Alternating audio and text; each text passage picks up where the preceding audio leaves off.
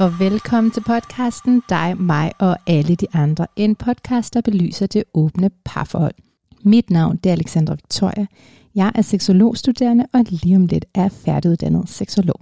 I dette afsnit har jeg besøg af forfatter Anja Lysholm. Anja har skrevet bogen Hvem er du utro? En bog, der i overskrifter handler om kærlighed, utroskab og polyamori. I bogen deler Anja sin fortælling om, hvordan hun flere gange oplever at være forelsket i flere mænd på samme tid, og hvordan hun i en lang periode var af den tro, at var man interesseret i flere partnere end ens egen, så var utroskab den eneste vej. På et tidspunkt støder Anja på begrebet polyamori, og her begynder en helt ny rejse for hende med et meget større kendskab til sig selv. Bogen, som Anja har skrevet, det er en let læselig guide, der lægger op til rigtig gode refleksioner omkring måden, vi lever i et parforhold på. Hvad kærlighed egentlig er, og gode etiske overvejelser omkring det at være polyamorøs. I dag der lever Anja som sekundær partner til en gift mand. De har været kærester i 11 år, og med udgangspunkt i det, så dykker vi ned i samtalen om det at være sekundær partner på godt og ondt. Som en lille sidebemærkning, så vil jeg nævne, at inden for etisk polyamori, der bestræber man sig på, at parforholdene ikke må være hierarkiske. Ideelt set så er alle partnere på lige fod med hinanden, men som I også skal høre i flere afsnit i den podcast, så er virkeligheden nogle gange en anden. Jeg vil opfordre jer til at åbne for jeres nysgerrige sind, når I lytter til denne podcast, og have i mente, at vi ikke prøver at opfordre til uetisk polyamori. Men for fortællingen forbliver autentisk og til at forstå, så tager vi udgangspunkt i det, der udspiller sig i Anjas virkelighed. Når du har lyttet til podcastafsnittet, så må du meget gerne gå ind og bedømme og følge podcasten via den app, du lytter fra. Du er også meget velkommen til at stille spørgsmål. Hvis du lytter via Spotify-appen, er der en funktion, hvor du kan stille spørgsmål direkte under episodeafsnittet. Og ellers kan du finde mig på de sociale medier ved at søge på alexandravictoria.dk eller via kontaktoplysningerne under beskrivelsen. Har du en historie fra et åbne parforhold, som du har mod til at dele i podcasten, så må du også rigtig gerne kontakte mig. Og så er jeg egentlig bare tilbage at sige rigtig god fornøjelse.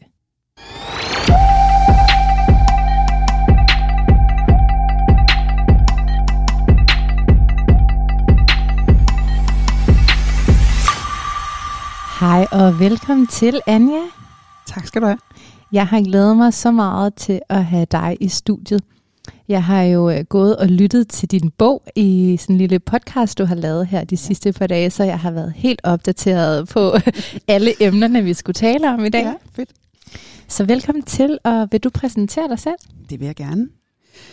Øh, jeg hedder Anja Lysholm. Jeg er 52 år gammel. Og øh, ja, jeg har, ja du har, det har du så lige nævnt. Jeg har skrevet en bog, der hedder Hvem er du utro? En anderledes bog om kærlighed og utroskab. Den udkom i 2009, så det er mange år siden snart. Øhm, så øh, bor jeg i et bofællesskab nede på Midtjylland, nede ved Haslev, øh, hvor jeg faktisk bor sammen med nogle andre polyamorøse. Øh, ja, det har vi slet ikke snakket om inden, men det, gør jeg faktisk. Ja, jeg sidder her og smiler og tænker, wow, spændende. Det skal lige høre men det mere ikke, det, det, er ikke, no, nej, det er også en, det er en historie for sig. Øh, men, øh, men øh, jeg bor i hvert fald sammen med andre åbne mennesker. Øh, vi har sådan hver vores bolig, så det er ikke sådan et kollektiv, men, øh, men vi er i hvert fald øh, åbne alle sammen for ja, forskellige måder at være på og leve sammen på.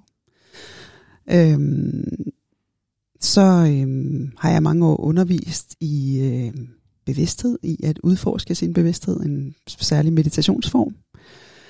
Øh, jeg er meget optaget af eteriske olier og alt sådan noget øh, afdød kontakt også, og øh, i det hele taget mange spirituelle emner har jeg beskæftiget mig med i rigtig mange år som, øh, som selvstændig. Og så har jeg også et job, helt almindelig job i noget, der hedder Regnskabsskolen, øh, hvor jeg sådan er kommunikationsmedarbejder. Så jeg har mange forskellige øh, hatte på, øh, og det kan jeg meget godt lide. Så jeg, man kan sige også øh, arbejdsmæssigt er jeg også polyamorøs, fordi jeg har rigtig mange passioner og, og interesser. Ja, vil du fortælle lidt om parforholdsstatus og dig personligt? Ja, øh, jeg er i, øh, i forhold med en øh, mand, som er gift og lever i åbent parforhold. Øh, og man kan vel kalde mig sekundær partner, hvis vi skal bruge sådan nogle polytermer. Så det, det kan vi jo komme ind på senere måske. Men øh, det tror jeg er det, man vil kalde mig. Og I har været sammen i 11 år siden? 11 år, ja. Mm. Og hvad med, har du nogle børn eller noget Nej, jeg har ikke nogen børn. Nej. Øh, og det er frivilligt. Ja. Skal man altid huske at sige, ellers får folk ondt af en. Men øh, jeg har helt frivilligt ikke nogen børn. så, og, og bor, øh, ja, jeg bor i det her bofællesskab, men ellers bor jeg så alene i min bolig. Ikke? Men øh, ja, har været uden samlever i mange år. Tak for den præsentation. Så øh, jeg tænkte det første, vi skulle snakke om her, det var ligesom din historie op til det parforhold, du lever mm. i dag. Fordi at nu har jeg jo hørt din bog, Ja. og du nævner lige sådan nogle, nogle små bidder af det, i forhold til, der var noget med par, du led, en partner, du led monogam med, så var der noget utroskab indenover. Ja. Så vil du tage os med på den rejse og fortælle om det? Det vil jeg gerne. Øh, altså, jeg levede i et øh, helt normalt monogam parforhold, øh, eller i hvert fald det, jeg kalder, i bogen har jeg kaldt facademonogamt, øh, fordi jeg var utroskab, eller jeg var utroskab, ja, jeg var utro indimellem, desværre. Øh, men øh, ja, men som sagt, fra jeg var 19 til jeg var 29, der havde jeg en, øh, en kæreste, øh, som jeg også øh, flyttede sammen med og, og boede sammen med øhm, og var meget, meget lykkelig sammen med, og troede faktisk, at det var ham, jeg skulle blive, øh, blive gammel sammen med. Øhm, indtil jeg så pludselig, efter vi havde været sammen i 10 år, øh, forelsker mig i en mand mere. Øh, og når jeg siger en mand mere, i stedet for at sige, at jeg forelskede mig i en anden mand, så er det fordi, jeg stadig elskede ham, jeg var sammen med. Så det var sådan min første erfaring med, at, øh, at jeg faktisk kunne elske to mænd på lige fod. Øh, og det var sådan lidt af en omvæltning inde i mit mit system. Øh, eller egentlig var det ikke så underligt for mig, men, men alle andre fortalte mig, at det kunne man ikke. Så når jeg var blevet forelsket i en, så måtte det være, fordi jeg ikke længere elskede min mand, øh, eller min kæreste. Vi var faktisk lige nået at blive gift, øh, sådan på Rådhuset. så vi var, ja. Men øh, det, det fortalte andre mig, i hvert fald. Øh, men jeg kunne tydeligt mærke, at jeg var ikke interesseret i at blive skilt fra min mand. Øh, og alligevel elskede jeg også den her nye mand. Så, øh, så jeg var jo i syv sind om, hvad jeg skulle gøre, fordi jeg, jeg var på ingen måde på vej væk fra mit, øh, mit ægteskab eller mit parforhold. Øh, og alligevel så var der altså den her nye mand, som jeg, som jeg også elskede. Øhm, men dengang anede jeg ikke, der var noget, der hed polyamori. Jeg vidste heller ikke noget om åbne parforhold. Jeg, jeg troede ligesom, og det var også også, nu kommer det her med utroskaben ind, at øh, jeg troede ligesom, at, at man, man kunne kun være sammen med en, og hvis man så øh, havde lyst til andre, så måtte man jo være utro. Fordi der var ikke, i mit, i mit begrebsverden var der ikke andre muligheder. Øhm, så øhm, ja, så jeg, øh, jeg måtte vælge mellem de her to mænd. Og, øh, og jeg valgte så den nye mand, og jeg plejer at sige, at jeg ikke valgte en ny mand, faktisk. Jeg valgte et nyt liv. For jeg valgte ligesom, jeg kunne se, at jeg kunne få et andet liv med ham, som, som trak mere end det liv, jeg allerede havde. Øhm, så derfor valgte jeg ham, og ikke, øh, og ikke den mand, jeg allerede levede sammen med.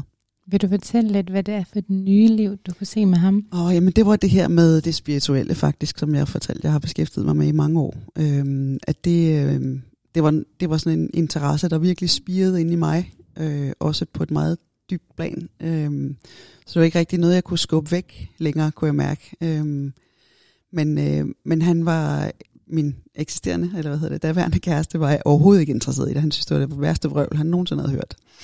Øh, og den her nye mand, han var meget interesseret. Han havde samme interesse som mig. Øh, og der var nogle bøger, vi drømte om at oversætte sammen. Og, og der var så mange ting, vi kunne se, ej, det kunne være fedt, hvis vi kunne begynde at arbejde med det her sammen. Øh, så det var det, jeg valgte faktisk. Øh, så jeg valgte mere af, af den ægte mig til, øh, i forhold til, ja, i stedet for det, det gamle liv, jeg havde haft indtil da. Øhm, og det er jo også sådan rent udviklingsmæssigt, så er det jo meget klassisk, at man omkring de 30 år begynder at få sådan nogle, øh, nogle åbenbaringer og erkendelser for, at øh, hvem, det er, man i virkeligheden er, og hvad man er her for, og så videre. Så, øhm, så det var det valg, jeg stod i lige der. Og hvad skete der så, efter du havde mødt ham, den nye mand? Jamen, så skete der jo det i forhold til, til det her emne, at, øh, at vi snakkede om, altså jeg, jeg sagde til ham, når nu det her kunne ske sammen med den her mand, jeg troede, jeg skulle blive gammel sammen med, og virkelig elskede dybt øh, til det sidste. øhm, når nu det kunne ske med ham, så vidste jeg, så ville det jo også kunne ske igen. Og så sagde jeg til den nye, så sagde jeg, hvad gør vi to, når det her det kommer til at ske igen? Fordi det, det er i hvert fald en risiko. Og så sagde han, jamen så synes jeg bare, at vi skal aftale at være åbne om det. Altså ikke at vi talte om åbent parforhold, men vi skal i hvert fald kunne snakke om det, uden at det betyder, at så skal man skilles. Øhm, og det, det var så også det, der skete, fordi der gik fem år, jeg levede sammen med ham i, i fem års tid der. Øhm, og så forelskede jeg mig i en kollega på et tidspunkt. Øhm, og så måtte jeg jo hjem og sige, nå, det der vi snakkede om, det er nu sket. Der er, der er en anden mand, jeg tænder rigtig meget på. Øhm, og så var hans reaktion, hvor er det dog dejligt for dig, skat. Øh, og så smeltede jeg fuldstændig og tænkte, hold da op. Så havde jeg jo bestemt ikke travlt med at komme nogen steder, fordi jeg følte mig så elsket og accepteret der, hvor jeg var. Øhm, så i stedet for, at det blev noget forbudt og noget, jeg ikke måtte føle, så var han bare nysgerrig. Jeg sagde, hvem er han, og hvad, hvad tænker du om det, og hvad, hvad skal I? Og det lyder da spændende. jeg er vildt nysgerrig på det ja, der, fordi ja. jeg tænker sådan, ham her er din partner, mm. hvad, hvad har han med sig, siden han rummer det der? Øhm, han, jeg vil sige, retfærdigvis skal siges, han har siden fortalt mig, at han faktisk var ved at skide bukserne, da jeg sagde det. Nå, nej. Men, han var bare sådan, han var bare, han ville ikke, altså, ja, han gik ligesom bevidst ind i det alligevel, og, og besluttede, at det skulle ikke have lov at ødelægge noget mellem os, og det havde vi ligesom også aftalt. Nå, ej, nå, hvor er det sødt. så det han siden, fordi ja. jeg har så tit refereret til den her historie, og var sådan, ej, du rummede det bare sådan noget, så sagde han, ja, du skulle bare vide, inden i mig, der var total kaos. Så det, det skal også lige med. Vi skal være ærlige her. Ja. Det handler min bog også om ærlighed. Så, det. men, øh, så jeg ved sgu egentlig ikke, hvad han har med, men han, han var i hvert fald også gjort af et særligt stof, tror jeg. Men, øh, og han, han var jo også, altså, han, det var også ham, der, der på et tidspunkt øh, faldt over en udsendelse på TV2, øh, hvor han, øh, han sagde til mig, den, den tror jeg, du skal se, den hed Når egentlig ikke er nok og det handlede om, øh, det var så en amerikansk udsendelse om nogle par, der levede i, i polyamorøse forhold. Og det var første gang, jeg stiftede bekendtskab med begrebet polyamori. Øhm, og da jeg så den udsendelse, der tænkte jeg bare, gud, det er jo sådan, jeg er. Og så faldt alle brækkerne bare på plads. Det var sådan en helt øh, åbenbaring. Øhm, og så snakkede vi jo om de ting, og, og besluttede os også på et tidspunkt for at prøve at leve åbent. Fordi han sagde, jamen hvis, hvis det er sådan, du har det, så må jeg jo prøve, om, om jeg kan være i det, og det kan være, at jeg også får lyst til at se nogle andre, eller det må vi jo finde ud af. Så i det hele taget var han bare åben for, jamen det her skulle da ikke skille os ad, vi elskede hinanden jo, altså så hvorfor skulle, skulle sådan noget gå ind og ødelægge vores parforhold nødvendigvis? Så den her tv-serie, er det første gang, du sådan får ord for, hvad det egentlig er, du går og mærker? Ja, det er det virkelig. Øh, så det var, det var stort. Og så lever I polyamorist? Ja, vi prøver i hvert fald på det. øh, og det blev meget kaotisk. Vi havde sådan et, et meget kaotisk år i, og jeg kan stadig huske, det var i 2006, som var det, var det mest kaotiske år i mit liv på det tidspunkt, tror jeg. Øhm, hvor, øhm, ja, hvor han prøver at rumme det, og, og siger til mig på et tidspunkt, at hvis, nu har jeg besluttet, hvis, hvis der er en eller anden, du gerne vil, vil sove hos, eller være sammen med, eller et eller andet, så må du sige til, og så må jeg jo håndtere det. Og så kom jeg så dagen efter og sagde, det var der faktisk en, jeg gerne ville se. Hvorefter han slog op med mig, og nu ved, det var, det var sådan et kaos, fordi han var jo bare total følelseskaos selv, og ja, det var, det var virkelig noget, noget meget kaotisk noget. Øhm, men øh, men han, han prøvede sit bedste, og jeg prøvede at være, være ordentlig i det, og men det var bare, det var super svært. Øhm, og på et tidspunkt, så, så, øh, så oplevede jeg faktisk, at han også forelskede sig i en anden. Øhm, eller en mere, kan man sige. For han, så pludselig forstod han jo, hvad jeg, hvad jeg havde stået i. Fordi pludselig kunne han se, jamen, nå jamen, jeg elsker hende, men jeg elsker jo ikke dig mindre. Og, så han havde jo også en fest over at opdage det i sig selv. Og, og jeg synes bare, hun var super dejlig, og vi mødtes, og Øhm, men så var hun også gift, og, eller ikke også gift, men, men hun var så gift, øh, og havde ingen planer om at forlade sin mand, så det kunne heller ikke lade sig gøre mellem de to. Øhm, og det endte simpelthen med, at han besluttede sig for at gå øh, Caminoen, den her spanske pilgrimsvandring, øh, for ligesom at få det hele på afstand og mærke, hvem han selv var, og, og, og tænke over tingene. Øh, og jeg tænkte, ej fedt, nu kommer der ro på. Og så, øh, så når han kommer hjem, så kan vi ligesom starte på en frisk, og så lægger jeg lige låg på det der øh, polyamori for noget tid, og så kan vi så kan vi se, om vi kan finde ud af det her på en ordentlig måde. Men der skete så det, at da han gik den her vandring, så, øh, så efter 14 dage, så mødte han simpelthen en kvinde i sit liv. Så han øh, endte med at flytte til Spanien, øh, og så blev vi så, eller gik vi fra hinanden.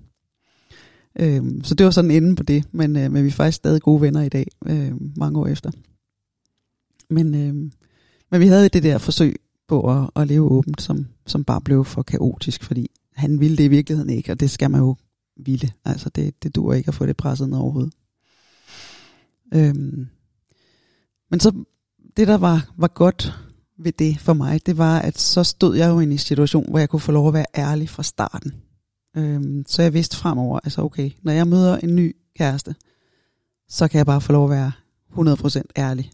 Og så ved han fra start, hvad han går ind til, og jeg behøver ikke at skulle ud i den her springe ud proces en gang til, og, og alt det her. Så det var, det var på en måde også befriende.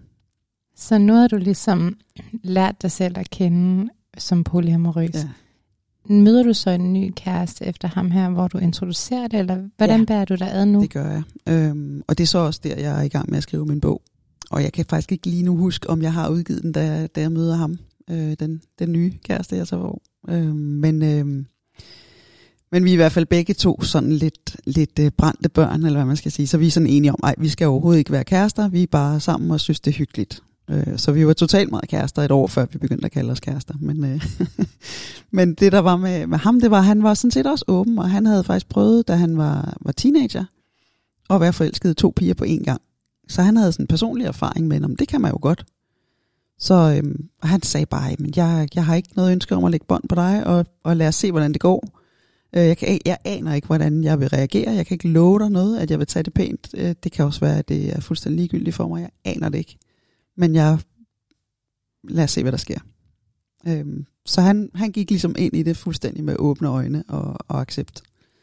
Hvad, har du, hvad gør du, sådan, når den her, nu tilbage til den her tid, hvor du datede ham, øh, hvordan introducerede det? Var det sådan en del af samtalen, når man mødte hinanden, at nu fortalte du, at du var polyamorøs? Ja, jeg tror, øh, Jamen, kan jeg vide, om ikke jeg havde udgivet min bog så? Fordi det, det, der har været nemt for mig, det har jo faktisk været, at det første, jeg nogensinde, det første, man fortæller folk, det er sådan, om, hvad laver du, og sådan noget. Og det første, jeg så typisk fortæller folk, det er, at jeg har skrevet den her bog om polyamori. Så er samtalen ligesom i gang. Ja, ja okay. Jeg har egentlig aldrig behøvet den der intro, eller hvad skal man sige, hvor det er svært at få sagt. Øh, fordi det er simpelthen en del af min, øh, min, min grundhistorie, øh, eller hvad skal man sige. Øh, så jeg får det sagt ret hurtigt i en samtale med nye mennesker øh, at jeg er polyamorøs. Så, øh, så jeg har egentlig ikke, jeg, jeg, så når folk, også når folk beder om, men, hvordan skal man få, få det fortalt, jeg aner det simpelthen ikke. Øh, fordi det, ja, jeg har altid bare kunne sige det med det samme. Det er også meget fornemt at skrive en bog og få det fortalt ja. på den måde. det er det. Så må man komme og være med i min podcast, ja, så man, man kan sende et link ja, afsted. Ja. så får man det fortalt på den måde. ja. Så vil du fortælle, hvorfor du egentlig skrev den her bog? Ja, øh, men det gjorde jeg, fordi jeg selv øh, var i den her spring ud fase, øh, hvor jeg kunne mærke, at det var vigtigt for mig at, ja, at få fortalt, hvem jeg var, og, og sådan også for familie og venner og sådan. Øh, og så hørte jeg jo bare mange modargumenter. Altså folk kom med alt muligt. Jamen det kan man jo ikke, fordi der er jo altid nogen, der bliver såret. Eller det prøvede man i 70'erne, og det har altid været et problem, og det, det kan ikke lade sig gøre, og hvad folk nu ellers øh, har af indvendinger, eller ej, men vil du ikke, bliver du ikke helt vildt jaloux, og hvad sker der, når, altså, folk har alle mulige spørgsmål og fordomme og alt muligt. Jeg kunne bare mærke, hver gang jeg fik sådan et spørgsmål eller en fordom, så havde jeg bare helt vildt meget brug for at skrive. Jeg har altid øh, blogget meget og skrevet, skrevet meget. Så det var naturligt for mig ligesom at, at skrive det ned, hver gang jeg fik en eller anden indvending fra nogen. Øhm, og det, det endte så med at blive til den bog. Ja, nu, nu siger du blogger meget. Øh, du noget med, at du har en hjemmeside, er det ikke rigtigt? Jo, altså jeg har faktisk et par stykker relateret til emnet. Der er en, der hører til bogen, som hedder utroskab.org. Øh, og så har jeg polyamori.dk. Det var et domæne, jeg købte dengang, jeg begyndte igen at, at interessere mig for det og skrive bog og alt det her. Øh, så der kan man gå ind og kigge. Altså begge hjemmesider er håbløst forældet, må jeg sige. Eller øh, sådan, øh, det er ikke meget, jeg har opdateret.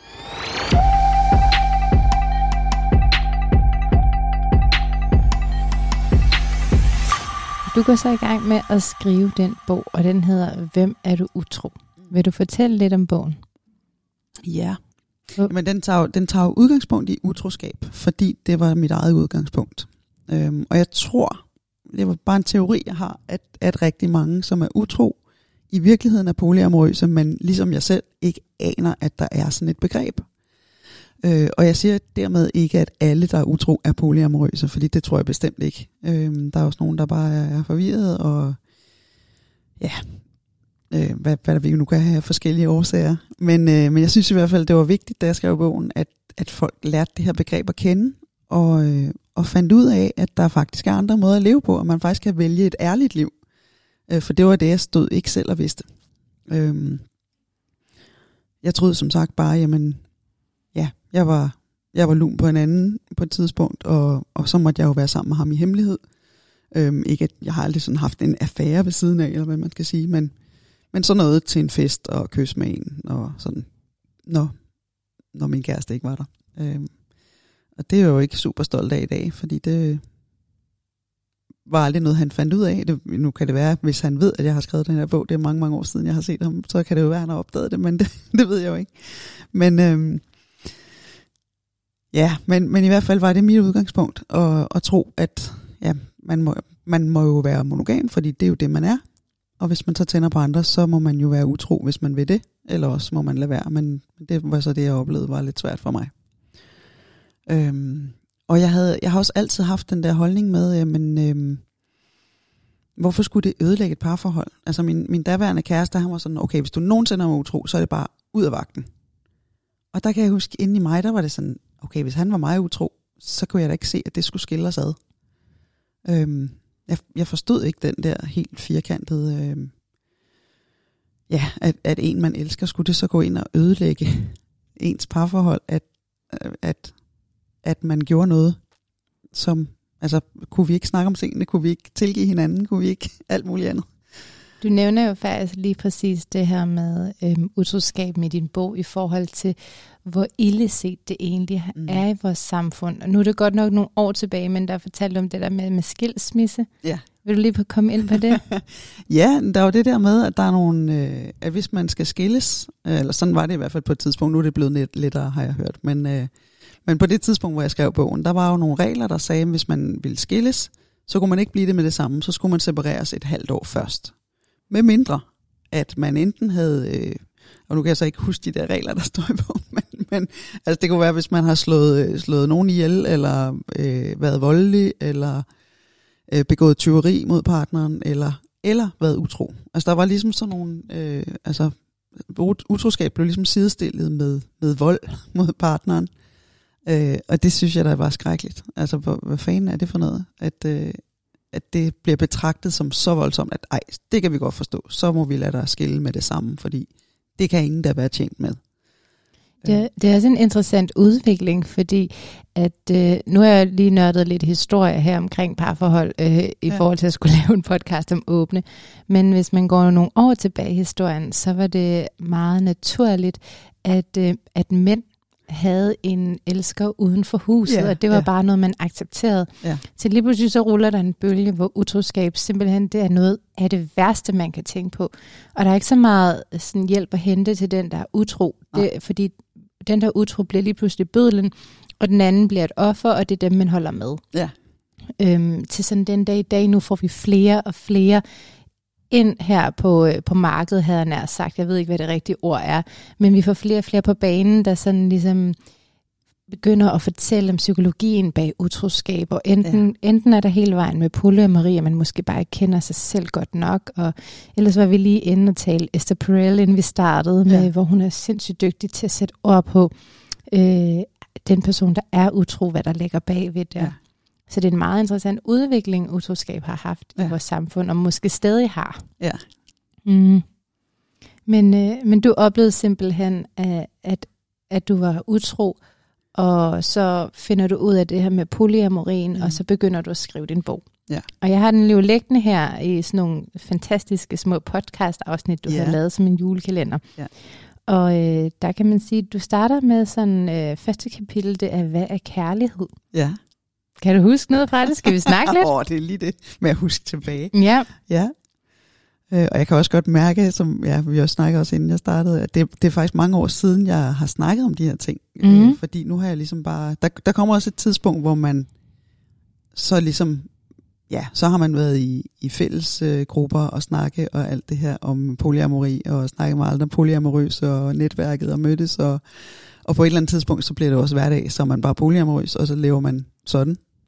Og så snakker man jo ikke rigtig om det mere, vel? Så det er mm. også, jeg kan også mærke, at jeg er lidt ude af form med at, at snakke om de der ting. det er men, øh, men det er meget godt at komme ind i, i emnet igen. Men ja, hvad, hvad kærlighed er og så videre. Ja. Mm. Vil du knytte et par ord på til det? Ja, jeg synes jo, øh, jeg synes jo kærligheden er, er rummelig og fagnende og tilgivende og, øhm, og i virkeligheden er, er sådan en, en stor universal kraft. Øhm, og jeg synes vores øhm, vores begreb om kærlighed er tit meget meget begrænset, og især hvis vi sådan øhm, har de altså betinget kærlighed, synes jeg jo ikke er kærlighed. Så den her med, hvis du virkelig elskede mig, så ville du i hvert fald aldrig være mig utro. Eller, altså det, det er sådan underlige, nogle underlige øhm, betingelser, vi sætter op for hinanden i kærlighedens navn. Og det synes jeg er trist. Øhm, så jeg, jeg kunne godt tænke mig også at slå et slag for, for en mere rummelig kærlighed. Noget, jeg synes, at øh, der er ret fint i de her polykrise, det er det her med, øhm, at generere mest mulig kærlighed. Der bliver meget mm. brugt det her eksempel med børn. Ja. At du har et barn, og bare ja. fordi du får et mere, betyder det ikke, at du ikke kan elske det første. Du elsker det lige så højt, som du elsker det andet, men på hver deres måde. Ja, præcis. Og sådan har vi det jo i virkeligheden rigtig mange steder. Det er okay, at vi har flere børn. Det er ja. okay, at vi har flere veninder. Det er okay, at vi har flere kollegaer. Det er okay, at vi har flere mennesker til at byde ind med noget alle steder i vores liv, på nær i vores parforhold. Ja, præcis. Der tror man, at et menneske skal give os alting. Ja. Og det er jo der, hvor polyamorien så kommer ind ja. og kan gøre noget andet, ikke? Ja. ja, og for nogle er det jo det værste, du overhovedet kan sige, det du lige har sagt der. Ikke? Ja. Altså, de, de, kan blive jo helt skæve i ansigtet, når man, ved tanken om, at kunne man også have flere partnere. Det er jo helt... ja.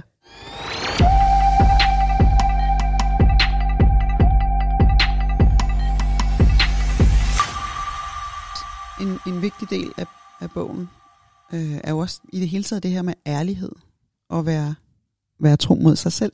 Mm. Øhm, og hvordan øhm, der er utrolig mange par, der, sådan, øhm, der siger for eksempel, jamen vi kan være fuldstændig ærlige over for hinanden, og vi deler bare alt, og ærlighed er bare det vigtigste i vores forhold men der er ligesom stadig en betingelse, der siger, jamen kun hvis du er ærlig om de ting, jeg gerne vil høre. Mm. øhm, så hvis du kommer og fortæller mig noget, jeg ikke vil høre, så vil jeg faktisk helst tage undværet, at du var ærlig, eller også øh, bliver sur over din ærlighed. Så, så du var ærlig, men nu skal du så fryses ud, eller øh, slås op med, eller hvad det kan være, der er konsekvensen. Øhm, så vi siger, at vi gerne vil ærligheden, men øh, men så har den der ærlighed også bare en benhård konsekvens. Øh, så vi inviterer ikke rigtigt til ærlighed. Øh, og det, det synes jeg jo også er super ærgerligt, at vi, øh, at vi er så optaget af, at, at vi skal kunne være ærlige, men vi tør faktisk ikke rigtig høre ærligheden. Og derfor tør partneren heller ikke være ærlig. Øh, så hvis vi oplever en partner, der lyver, så kan, det jo, så kan vi jo i hvert fald øh, kigge indad og se, jamen er det fordi det er utrygt at sige sandheden i vores parforhold faktisk. Det synes jeg er en rigtig god pointe. Ja. Fordi tit det her med, når vi kommer og vores partner præsenterer noget, så kan vi godt øh, høre fra det sårbare sted i os, i ja. stedet for i stedet for at gå over i partneren og høre, okay, hvad bringer du på bordet? Se partnerens sårbarhed, og se, hvor meget øh, partneren faktisk åbner sig lige nu og har på spil. Ja. Øhm, så går vi ind i os selv og begynder at lytte med øh, vores dårlige selvværd, vores sårbarhed, vores mangelfuldhed, og så reagerer vi. Ja. Øhm, og det er jo der, hvor man skulle skabe et rum for en ærlig samtale, og på en eller anden måde få sagt, jeg vil gerne bringe noget vildt ærligt på banen. Ja. Kan vi på en eller anden måde skabe et rum, hvor at, at du kan lytte oprigtigt til mig? Ja. Men det er jo en vild god samtale at have, også i forhold til, hvis man nu har lyst til at tage den her samtale med sin partner om at åbne sit parforhold op, eller ja. man tror, man er polyamorøs. Ja. For det er jo klart, har man en partner, der er overbevist monogam, så kan det her jo virkelig føles som en bombe, der fuldstændig springer. Ja. Men man skal huske, det er jo ikke noget med ens selv at gøre. Det her det er jo noget, der er over i ens partner. Og man har forelsket sig af den person af en grund, og man skal jo helst ikke gå hen og ændre på det menneske. Så på en eller anden måde er det her, når bomben er sprunget, at finde ud af sådan, okay, hvad har det betydning for vores parforhold, og hvordan bevæger vi os så fremad nu? Hvilken samtale er det, vi faktisk skal have? Ja. Ja. Så, øhm, nå, du skriver den her bog, og så øh, en pointe, jeg gerne lige vil have med, Mm. som vi snakker om. Du skriver i din bog det her med, at du kalder den noget med utroskab. Ja. Øhm, og jeg, jeg tænkte faktisk selv, for jeg anede ikke, den handlede om polyamori, ah, da jeg Ah, startede med at nej. høre den. Så jeg tænkte selv tanken om, hvorfor du ikke kaldte det noget med polyamori, fordi så havde jeg den ned for hylden. Ja. Men som du så fint nævner i den her bog, det er jo fordi, der er rigtig mange, der oplever utroskab, eller være utro gentagende gange, som ikke aner, at de faktisk er polyamorøse. Ja. At de faktisk har den her evne til at elske flere, Mm. og har deres energi er udadvendt mod flere partnere helt naturligt på grund af det her. Ja. Så det synes jeg var en vildt god pointe at, øh, at have med, og jeg vil anbefale den til jer, der sidder og lytter med, også hvis I ikke er polyamorøse. Selv det helt almindelige parforhold Ja. øh, vil jeg mene, den kunne gavne, og den er lidt læselig. Og ellers så fyrer jeg lige et link under podcasten, ja. hvor at man kan høre alle de her 24 afsnit øh, Ja. med den lille julekalender, du Ja. har lavet. Hvor, er det dig, der læser bogen højt? ja, det er det. Ja. Ja. Så kan man også lige få lov til at nyde din stemme lidt mere. Ja, så jeg tog simpelthen min gamle lydbog, og så lavede jeg den til en julekalender sidste år. Ja, det er genialt. Øh, Så, så man kan høre den gratis der. Man kan også stadig købe den, øh, som, hvis man vil slippe for alle jinglerne og sådan noget. Men, Ja. altså, men, men var- den trykte bog er, er væk. Ja, perfekt. Ja. Nå, men øhm, du sagde i begyndelsen, at du er sekundær partner. Ja, Og jeg tænkte på, at om det var et emne, du havde mod på, at vi tog hul på. det kan vi godt. Der er en, inden vi startede podcasten, har vi snakket om nogle forbehold, fordi at igen, når man er sekundær partner, eller er den gifte, eller et eller andet, når der er flere parter involveret, Mm. så skal vi altid tage et hensyn til hinanden. Ja. Så vi prøver at tale ind i emnet, og du kender begrænsningerne hjemmefra. Ja. Øh, Men øhm, som du selv sagde, så brænder du rigtig meget for at øh, få det her emne på banen. Mm. Vil du fortælle, hvorfor? Øh, ja. Øhm, ja, og jeg kan også lige tale ind i det her med, øh, hvorfor jeg havde de her forbehold fra starten i virkeligheden. For det var også noget af det første, jeg skrev til dig, det var, at jeg vil super gerne være med i din podcast. Øh, du, du efterlyste den bredt, det var ikke fordi, du spurgte mig direkte, men, men, øh, men jeg sagde, at jeg har faktisk virkelig lyst til at være med i din podcast, men jeg har også en begrænsning, fordi jeg kan i virkeligheden ikke tale om mit nuværende parforhold. Øh, og det kan jeg selvfølgelig godt sådan i generelle termer og så videre, men, øh, men det er jo det, at når, bare fordi jeg har valgt at være super åben om, øh, om mit kærlighedsliv og så videre, øh, så kan jeg jo ikke forvente, at det er mine partnere eller, eller dem, jeg er involveret med, så også.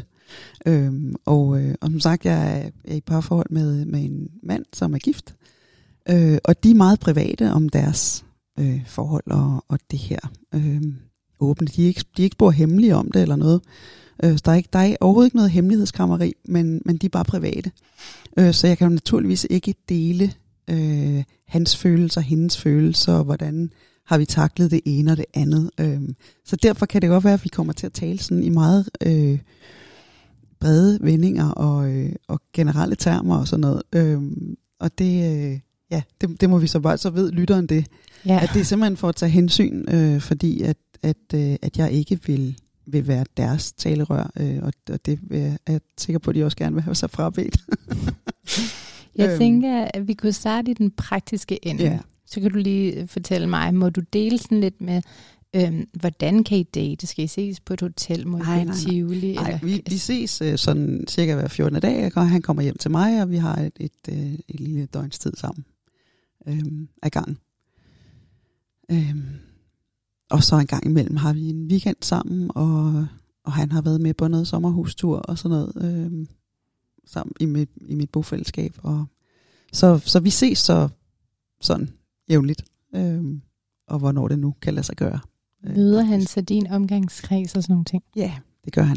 Så han er indflettet i dit liv, og du fortæller, at du har en kæreste. Øh, ja, ja, ja, det gør jeg. Og, og igen, alt er fuldstændig åbent. Øhm, jeg tror da også, øh, folk i hans liv ved, at han har en, en kæreste. Øh, så der er igen, der er ikke nogen hemmeligheder på den måde.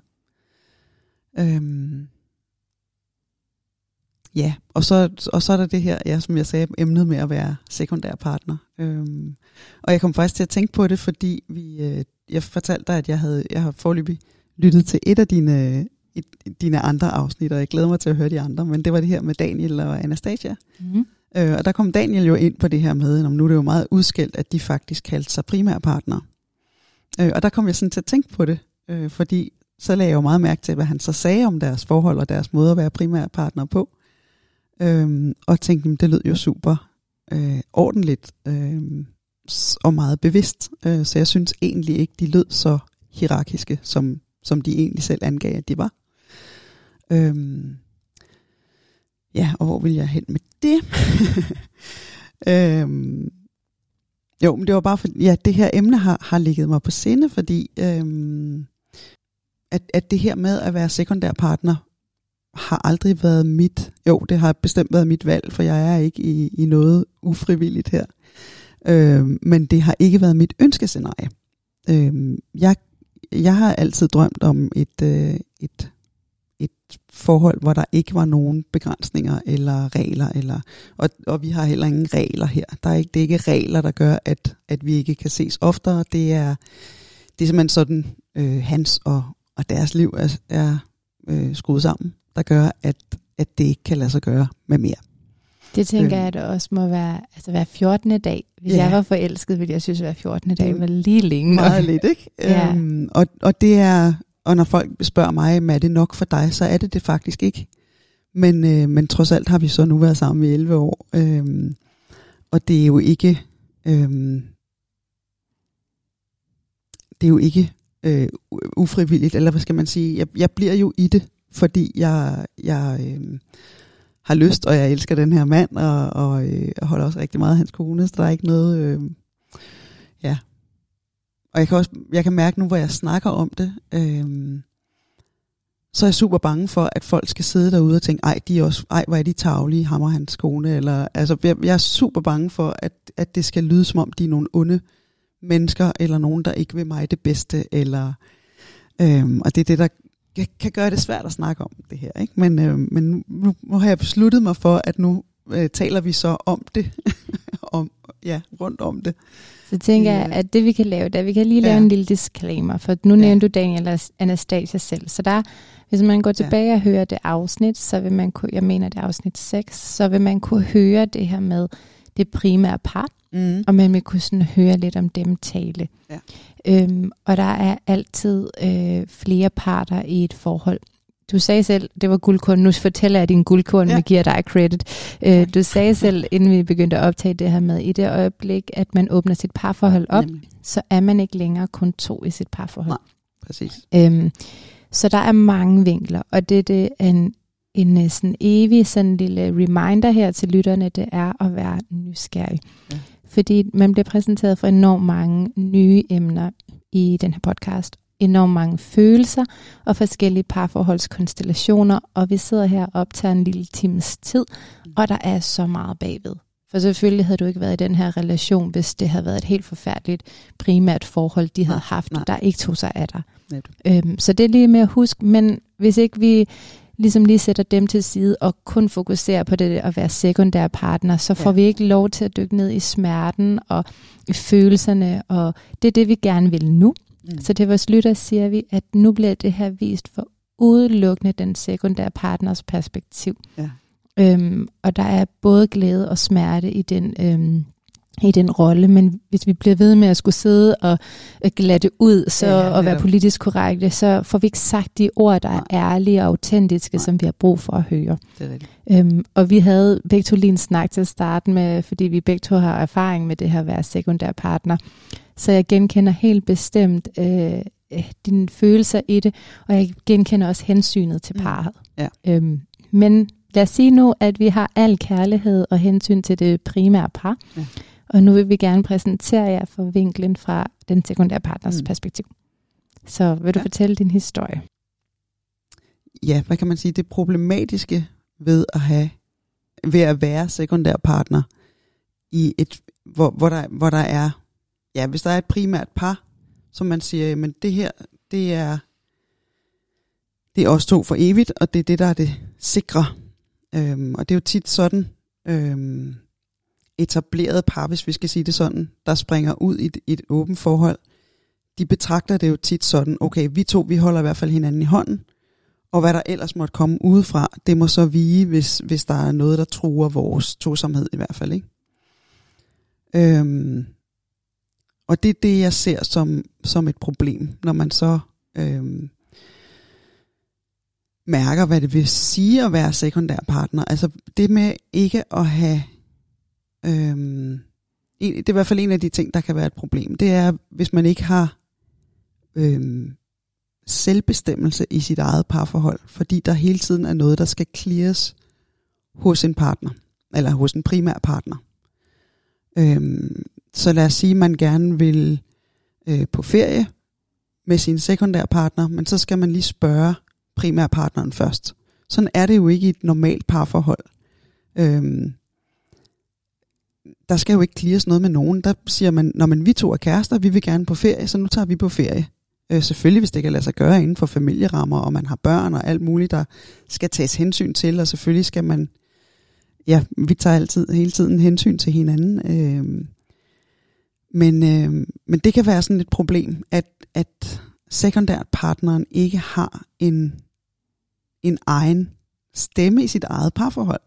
Øh, Ja, så får jeg igen lyst til at disclaimer, og det skal jeg så lade være med at gøre hele tiden. Men, men det er ikke sådan, min, min kæreste og hans kone har ikke på den måde regler for, hvad han må, eller sådan noget. Der er ikke noget, der hedder må, eller noget. Det er, det er også sådan, hvad der kan lade sig gøre praktisk og sådan noget. Øhm, så det er bare lige for, og ja, nu disclaimer jeg så igen. øhm, men øh, så jeg, jeg prøver også at tale om det her generelt, altså hvad der, hvad der også kunne være problemer i, i, øh, i andre forhold, ikke?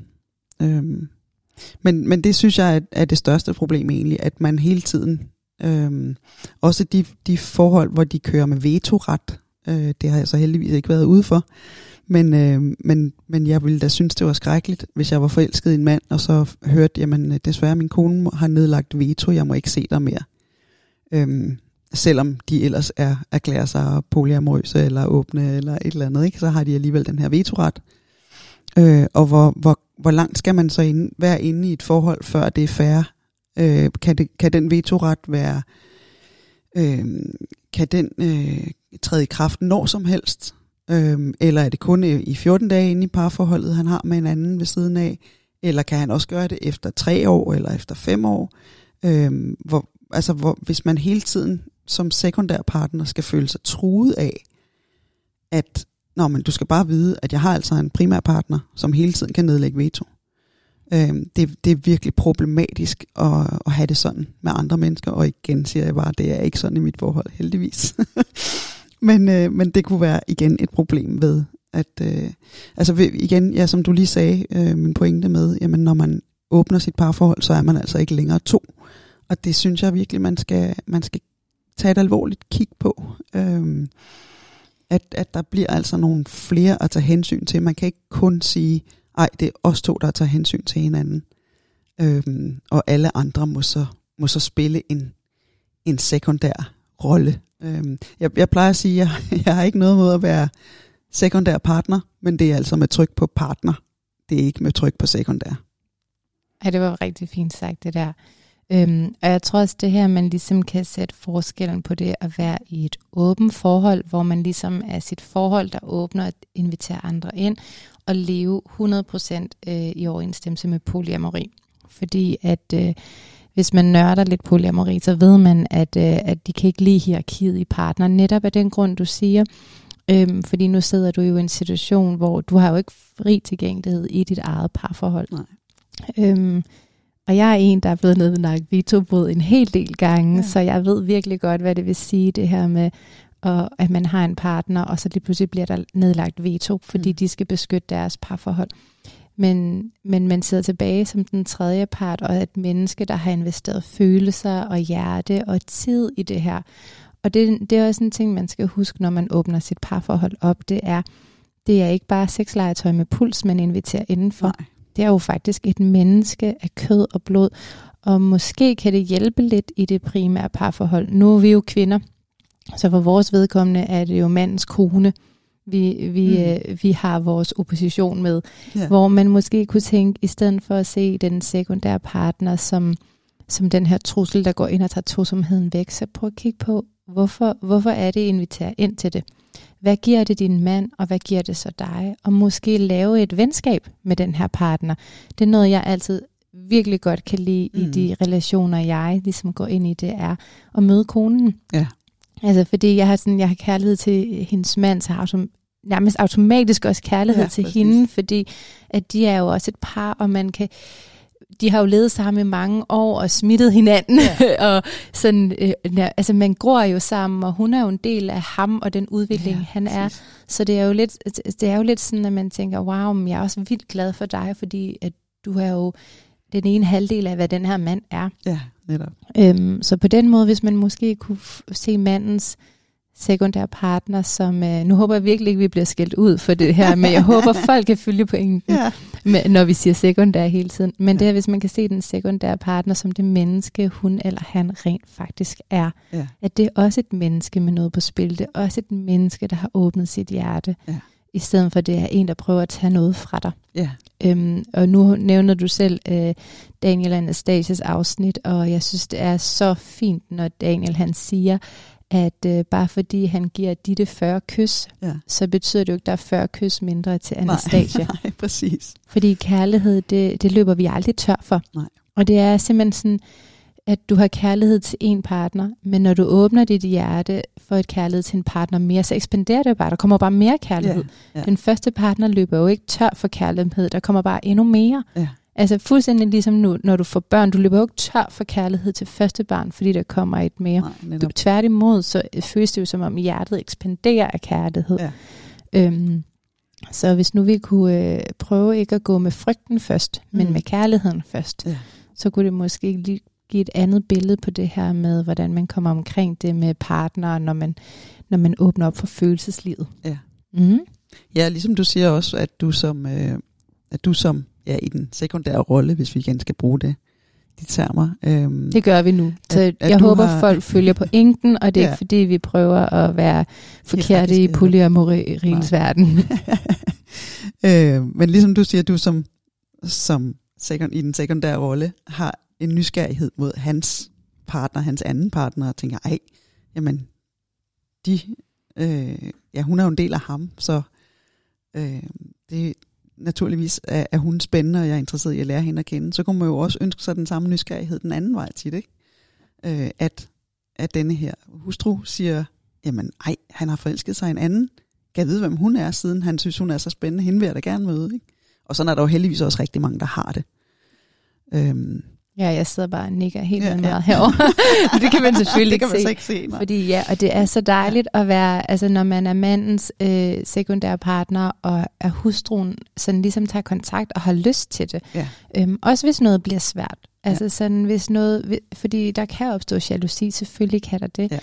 Øhm, at det der med, at man ikke bliver valgt fra, men hvis, man, hvis der er en hustru til den her partner, der tør række ud og sige, ja wow, nu fylder du meget i vores parforhold, ja. fordi min mand, hans energi, den kører bare til dig. Jeg synes, ja. det er vildt svært.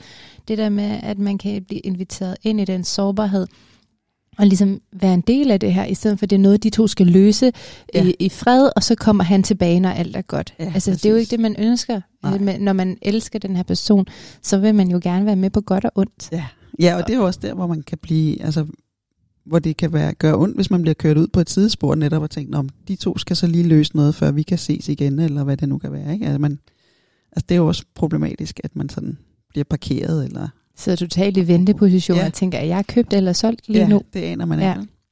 Det er sådan lidt, altså det kan godt være sådan lidt at gamble med ens følelsesliv, ja. når man kører det på den her måde. Ja. Og det er det er jo bare sådan, det nogle gange er, ja. fordi at vi, det, det tager os tid i den type samfund, vi lever i i dag, og ligesom åbne så meget op. Jeg tror ikke engang, jeg vil Altså, nu har jeg fået at vide af min mor, hun hører podcasten. øhm, så det kan da godt være, at jeg lige kan tage en ekstra kæreste med til min fødselsdag næste år.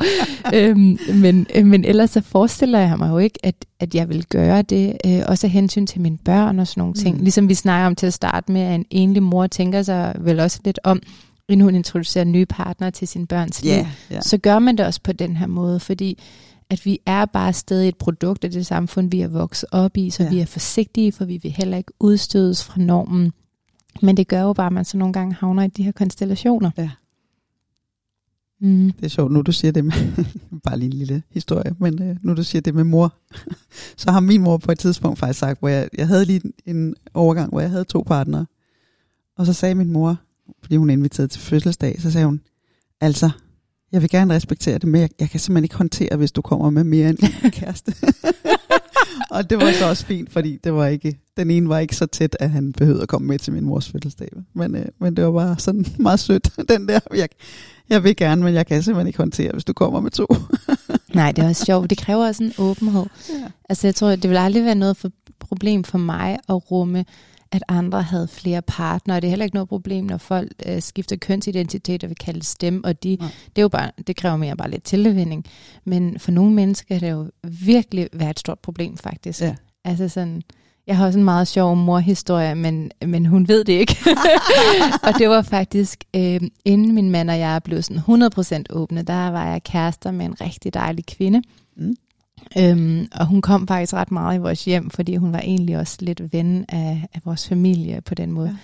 Og der, øh, det gjorde bare noget af mig. Vi har levet sammen i syv år på det tidspunkt, øhm, hvor jeg ligesom ikke havde haft den her biseksualitet med indenover.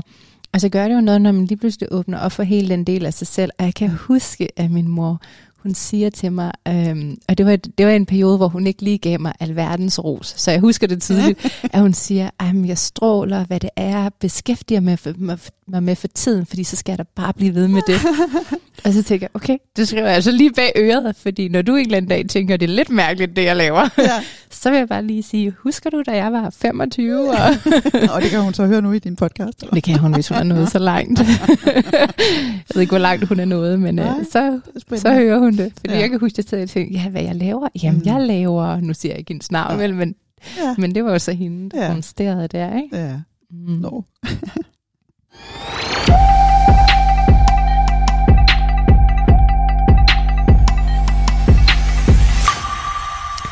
Nå, har du mere på, på hjertet, Anja, om det her med sekundær partner?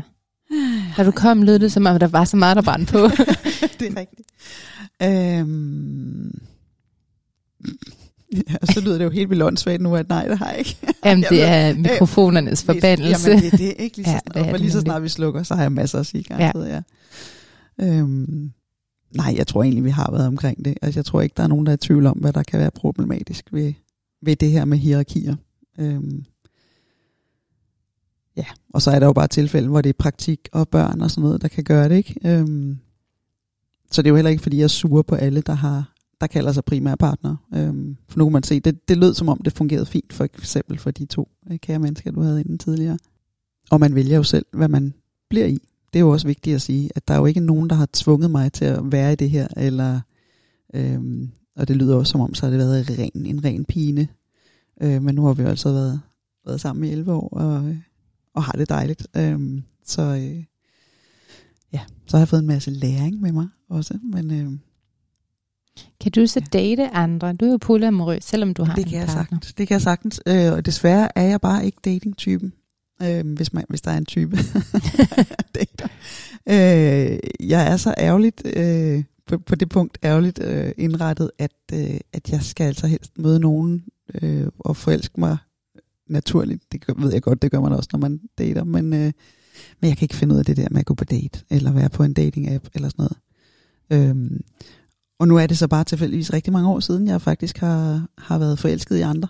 Øhm, så min kæreste, han driller, driller mig også med, at du er i virkeligheden monogam. Øh, og det er jo ikke. Men, øh, men øh, han, ja, han synes jo bare, at jeg skulle, skulle date løs. Øhm, også fordi man kan sige, det kunne jo det kunne måske have gjort noget ved balancen her. Ikke? Altså hvor havde jeg nu haft en, en vi kunne kalde min primære partner, jamen, så havde der måske så havde jeg ikke haft så meget investeret i den, øh, den anden relation måske, eller på den måde havde han ikke skulle opfylde alle mine kærestebehov, øh, og så havde det ikke fyldt så meget det der med, at jeg så i godsøjne kun er sekundær partner.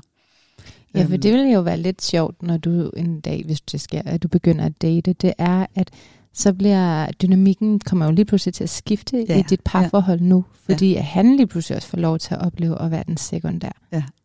Det er jo noget helt andet. Lige Ja, pludselig. så det ved, det ved vi jo ikke, hvad det vil gøre ved det. Øhm, altså, jeg tror ikke umiddelbart, at han bliver jaloux. Han virker ikke, som om han, han kan blive det. Øh, men, men det ved vi jo ikke, altså. Øhm, så øh, ja, og jeg, og jeg har jo også i, den, i de 11 år, jeg har kendt ham, det er ikke fordi, jeg har kun har haft ham i 11 år, men, øh, men stort set, fordi øh, når jeg så har, har mødt nogen, og hvor der har været, altså hvor det kunne være blevet til noget måske, jamen så... Øh, har det måske enten ikke været noget, eller der er også nogen, der har trukket følehortene til sig, da de fandt ud af, at jeg var poli, og de skulle dele, hvis, ja, det er jo et åndssvagt begreb, det kan vi jo også tale om, men det der med at dele en partner, det lyder som om det er en kage, ikke? eller sådan noget. Øhm, men øh, men at, at finde ud af, at de skulle dele mig med min kæreste, øhm, at det, det er der så nogen, der har skyndt sig at trække følehornene til sig, for det, det har de ikke været klar til.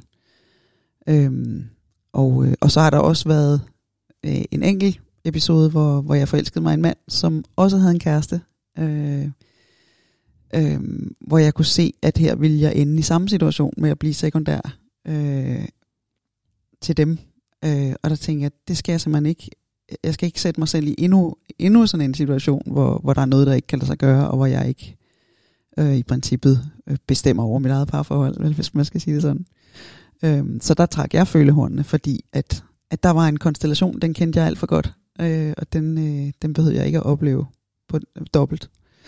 Øhm, så jeg har, jeg har haft nogle, nogle sådan, øh, an, antydninger af noget, der kunne være blevet til en ekstra øh, partner. Men, øh, men det er bare ikke blevet. Øhm, og så er jeg bare ikke sådan en, der forelsker mig vildt tit. Det er der jo mange polier, der gør, øh, og altså er åbne netop, fordi de virkelig tit forelsker sig, tit møder andre og har lyst til alt muligt. Øhm, og sådan er jeg så ikke indrettet. Øh, så, så ja, så jeg, men jeg er fuldstændig fri jo til at være sammen med andre, hvis jeg har lyst til det. Skal vi så snakke om lidt om det der med at dele? Ja. Jeg synes faktisk, det er lidt sjovt, og nu kan jeg lige sådan komme med en his- meget aktuel historie fra mit eget liv, Ja. fordi at øh, efter at blive så oplyst af den her podcast, jeg laver jo også noget nyt, så installerede jeg den der Field-app. Åh, oh, det er rigtigt. Den ja. hedder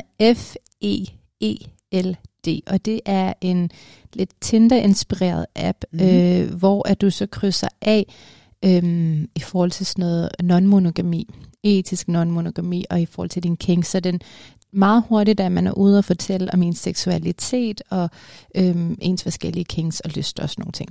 Ja. Og øhm, lidt ligesom Tinder foregår det med, at man får en masse likes, og så øhm, kan man swipe tilbage eller sådan et eller andet. Okay. Ikke? Og der var jeg i kontakt med en nemlig, fordi at jeg nævner det her med, at jeg er en polyamorøs person, så for mig så investerer jeg jo faktisk ret mange følelser, når jeg går ind i en relation. Ja. Øhm, og så går snakken lidt frem og tilbage, hvor at, øh, øh, jeg spørger sådan, "Og hvordan har du det med, at jeg er gift? Fordi jeg oplever, jeg oplever sådan nogle forskellige scenarier. Et, de kan være meget forsigtige, fordi jeg er en anden mands kone. Mm. Eller man kan nå til, at det, det er rigtig fint i starten, og så lige pludselig når vi til et punkt, hvor de vil ønske, at min mand ikke eksisterede længere. Ja, ja. Og så bliver det jo et problem. Men ham her, han sagde simpelthen, at øh, han brugte ordet utilstrækkelig. Og han sagde, at han ville være all in for relationen, men på et tidspunkt ville det jo blive utilstrækkeligt for ham, fordi han ville jo gerne finde en at dele øh, livet med. Oh. Og det er helt fair, så lyder han jo egentlig rimelig monogam faktisk. Ja. Øhm, hvad hedder sådan noget der, men i min situation, der var jeg sådan lidt, jamen, jeg er jo ikke et midlertidigt stop. Jeg er jo ikke en eller anden, du kan date, Nej, præcis. indtil du finder den, du skal være monogam med, fordi så er det i hvert fald ikke mig, du skal vælge. Nej. Fordi at du, mine følelser for dig bliver jo lige så seriøse, som mine følelser fra, fra min partner. De bliver noget andet, fordi Ja. du er et andet menneske, vi er en anden relation. Men jeg investerer mig lige så meget. Ja. Så det synes jeg faktisk, det er øh, den her med at date som polyamorøs, at øh, nogle gange synes jeg altså godt, den kan blive taget lidt for sådan, jamen så er du bare free spirit i din dating, i dit datingliv, ja. og det hele er lidt frit, men man kan jo faktisk være, øhm, man kan jo sagtens være sindssygt committed, Ja. altså i polyamori.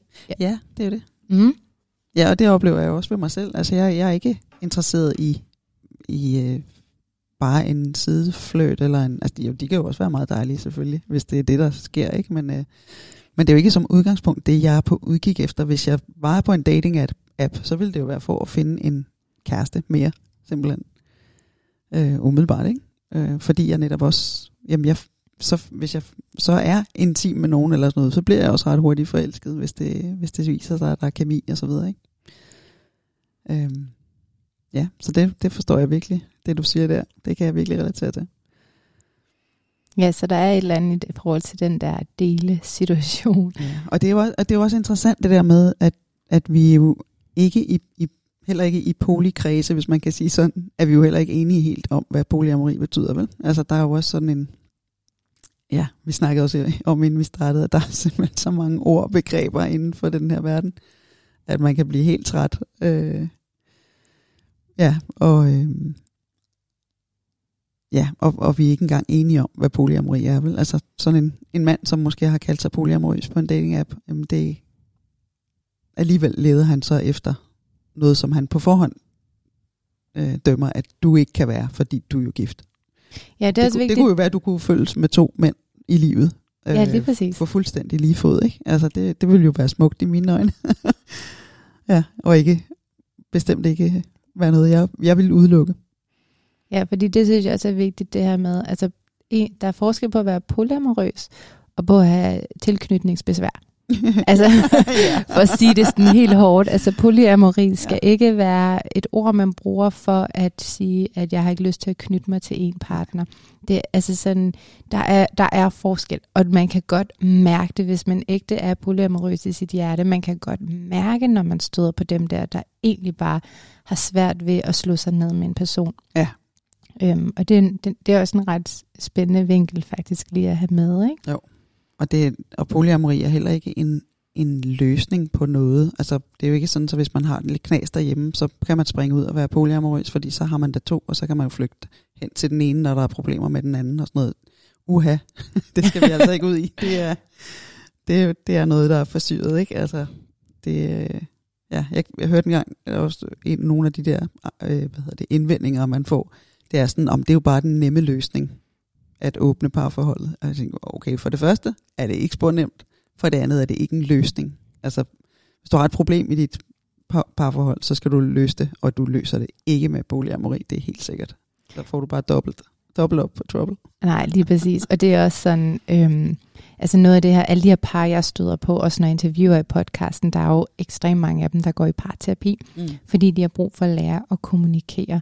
Det er jo, altså hvis man tænker i vores lukkede parforhold, at vi har svært ved at, at kommunikere og kan friste lidt af hinanden, så prøv at inkludere andre partnere, Ja. sex med andre partnere, aktivering af dit eget dårlige selvværd konstant, altså sådan, og så tilføje lige et par børn oveni og Ja. et presset arbejde, og så se, hvor nemt det er. Det er altså selvudvikling på speed der. Det er det Ja. lige præcis, og jeg er så glad for, at du siger det, for Ja. det er nemlig en af de sådan, sådan hjertesager, jeg har, det er den selvudvikling, der ligger i mm. det Mm. åbne parforhold, eller non-monogami. Ja. Og jeg kan virkelig godt lide sådan ligesom at sige det her med, når folk altid snakker om, om noget er nemt og hårdt, og sige, jamen vi skal, vi skal væk fra den skala. Vi skal slet ikke begynde at tænke, er det nemt, er det hårdt, er det rigtigt, er det forkert. Nej. Vi skal over at tænke, er det meningsfuldt, eller er det ikke længere meningsfuldt? Ja. Fordi det kan godt være hårdt og meningsfuldt, og så gør man det stadig. Ja. Men i det øjeblik, det er hårdt og ikke længere meningsfuldt, så, så takker man nej. Ja. Og det synes jeg, det er simpelthen det er så vigtigt at have med. Fordi at hvis jeg nu møder på arbejde mandag morgen og har en hård uge, og så sidder man med nogle venner og snakker om, det er simpelthen så hårdt med arbejde, og så vil alle stemme i at sige, ja, det er det, og puh her, vi synes også, det er hårdt. Og det, det, det. Ja. Hvis jeg så sidder omkring et bord og siger, ej, og nu har jeg sådan lige med den her kæreste, og hans kone sådan bliver sådan her, og sådan, jamen du har jo selv valgt det. Ja, Er det ikke rigtigt? sjovt. der er jo ikke Jo, nogen, der har sagt til mig, "Men du selv valgt det, når ja. Ja. jeg går på arbejde. Ja. Ja. Og, det er, og det, er sådan, det er sådan lidt det der med, sådan, når der er noget, der ligesom kommer sådan uden for vores normer, så kan den der hurtigt komme, den der fordomsfuldhed, bare i sådan et mit almindelige liv. Der er ikke nogen, der vil sige noget, når jeg har en hård dag som mor. Men dengang jeg var øh, havde en lille pige som bonusdatter, altså Ja. nu er hun stor, det var derfor, jeg siger dengang, Ja. men som ny bonusmor, når noget var hårdt, så var der også den der, jamen du har jo selv valgt det. ja. Bare sådan, Ja. what? altså, sådan, det er, altså det er det der med, der er virkelig noget, der er socialt accepteret, og der må Ja. vi godt sidde og brokke os, men når vi så går ud for normerne, så kommer den der pisken lige. Ikke? ja.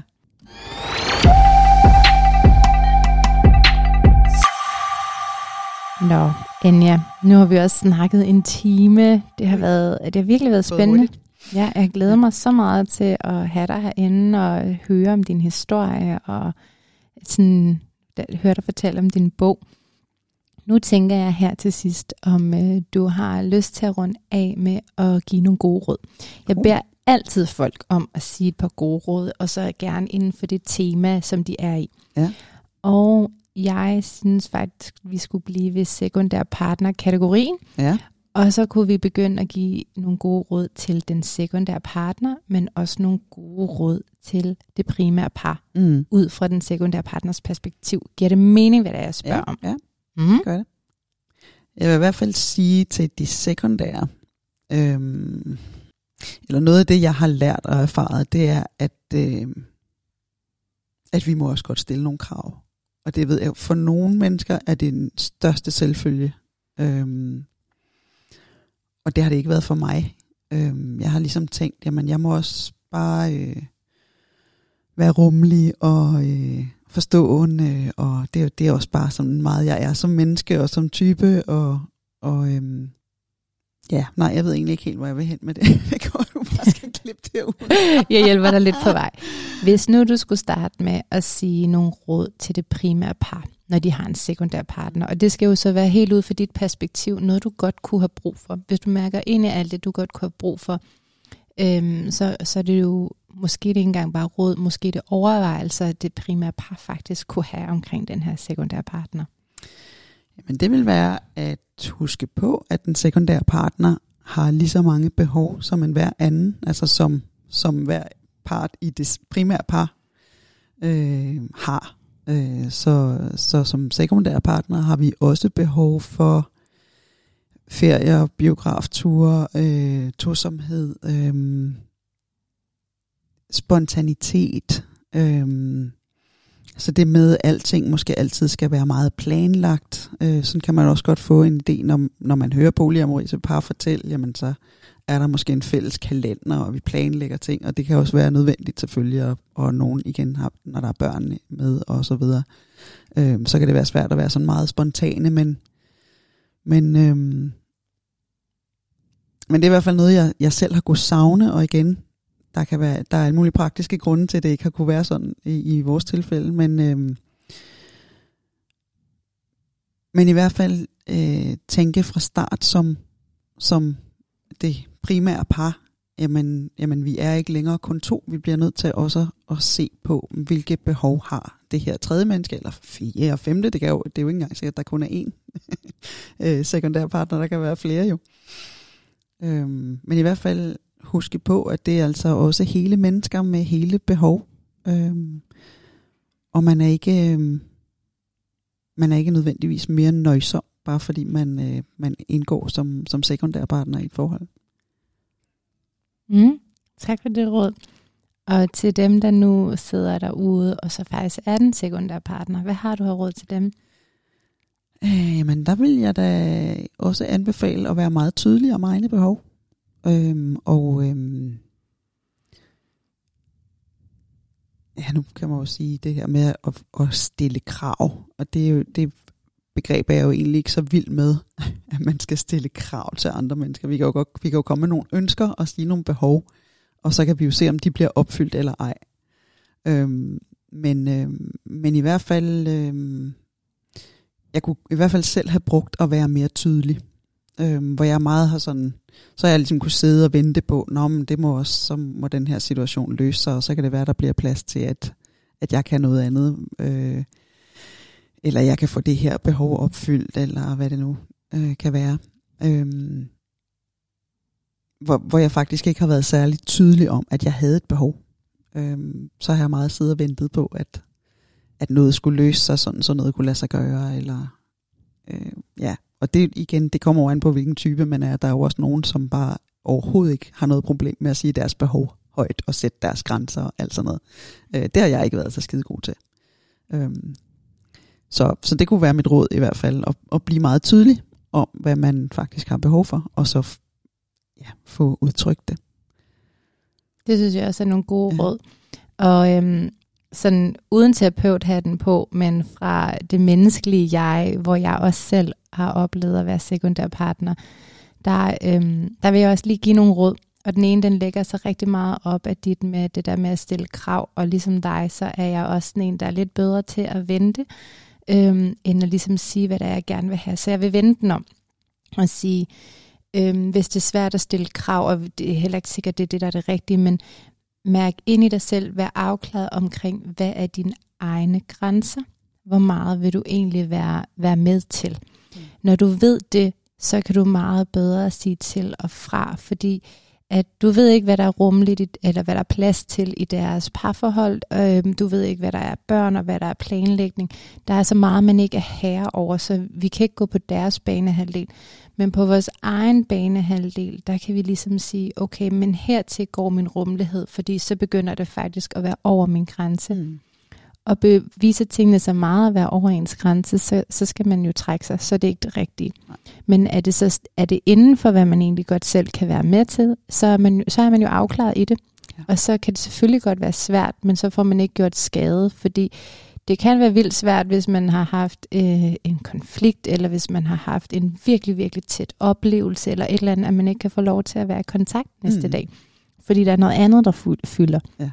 Øhm, men, der, men sådan er det jo, der er noget koordination. Øhm, I virkeligheden er det jo ikke meget anderledes, end at når en søn har en fodboldkamp, men far skal på arbejde, at der er noget, man går glip af. Man kan ikke være begge steder. Det gør bare af her, fordi det er sådan nogle parforholdsfølelser, og vi ikke helt ved, hvordan vi skal navigere. Mm. Øhm, og til det primære par, der vil mit råd være det her med at huske, at den sekundære partner, at det er et menneske. Det er ja. et menneske med et hjerte, med et følelser, med noget på spil. Det er ikke en, der bare hopper ind og tjekker ind og er et sjovt add-on for en periode. Og mit råd vil i allerhøjeste grad være at være åben. Altså den ægtefælden, der ikke er i relation med den sekundære partner, i mindste være åben for kontakt. Mm-hmm. Lær det her menneske at kende, og det samme skal den sekundære partner jo være over for ægtefælden. At det her med, hvis der på en eller anden måde bliver bygget bro her, bliver skabt tillid, hvis de lige pludselig ikke er så fremmede for hinanden, så de stopper med ligesom at være to poler, der hiver i den samme mand, men at det på en eller anden måde bliver forenet, uden at man skal til at leve et parforhold alle sammen. Men jeg synes i hvert fald, den der kontakt, den gør et eller andet. Altså det er, og jeg har prøvet begge dele. Jeg har både prøvet øhm, at være i kontakt med partnerne, og lige pludselig så når det blev svært, så kunne de ikke finde ud af at være i kontakt med mig og snakke med mig om det, men så kom veto i stedet for. Men jeg har også prøvet, og det var helt fantastisk, og ligesom, at der var, øh, at, at der var en af øh, konen, kæresten, at øh, hun var i kontakt med mig, og fordi hun havde mødt mig, så blev hendes rummelighed simpelthen så stor, fordi mm. at hun jo godt kunne mærke al den kærlighed, jeg havde over for hende også, og jeg slet ikke var kommet her for på nogen måde at, at, være, en, at være, en, være en fjende eller noget som helst. Altså, og fra mit eget par, parforhold, kan jeg sige, altså nu min mand, han dater ikke. Han er udelukkende til sexdelen. Men, øh, men han, han havde en relation, kalder jeg det så. Ja. Øh, en rebrelation fra det der Shibari Kinbago på et tidspunkt øh, til, øh, til en rigtig, rigtig fantastisk kvinde. Øh, og det var lige der hvor i, i starten af vores åbne forhold, hvor vi havde det der med, man, når man, så møder man lige hinandens partner. Og den dag i dag, der er hun min bedste veninde. Ja. Altså fordi, at det var bare sådan, det giver da god mening. Hvis hun tiltrækkes af ham, og jeg også tiltrækkes af ham, så må vi jo have et eller andet, der matcher. det er det. I har jo noget til fælles. vi har så, ja, også det. Men, men bare allerede inden vi blev så gode veninder, som vi er nu, så var der bare sådan en, der var bare en kemi imellem os, der, der var en kærlighed, og hun var meget sådan et, øh, sådan, ville gerne selvfølgelig alt muligt med min mand, men hun havde så meget kærlighed til mig, og var sådan et, er det okay med hjemmefronten? Mm. Og jeg, jeg havde rigtig meget kærlighed til hende, så selv, vi havde et meget lille barn på det tidspunkt, og så alle, der har vildt små børn, ved jo, at, at sådan et parforhold, det er meget uforudsigeligt. Og øh, der kunne nogle gange godt komme ting, hvor han var nødt til at aflyse, og jeg havde det sådan et, du, please aflyse på en virkelig god måde. Du må godt sige, det det her, der er kommet i vejen. Det er okay, du er ærlig, fordi ja. jeg havde så meget kærlighed til hende, at jeg virkelig ønsket, at hun skulle vide, at hun ikke bare bliver skrottet, men at det er fordi, der er virkelig noget med en baby, der brænder på derhjemme, ja. eller en, en mor, der ikke har sovet hele natten og bare ikke kan rumme og skulle være mere på, eller et eller andet. Ja. Øhm, og det giver bare noget, når det, når det der bånd opstår øhm, imellem, øhm, imellem partnerne. Ja. Øhm, så det vil være helt sikkert være mit råd, hvis man kører det her med primær og sekundær mm. partner. Det er super godt råd.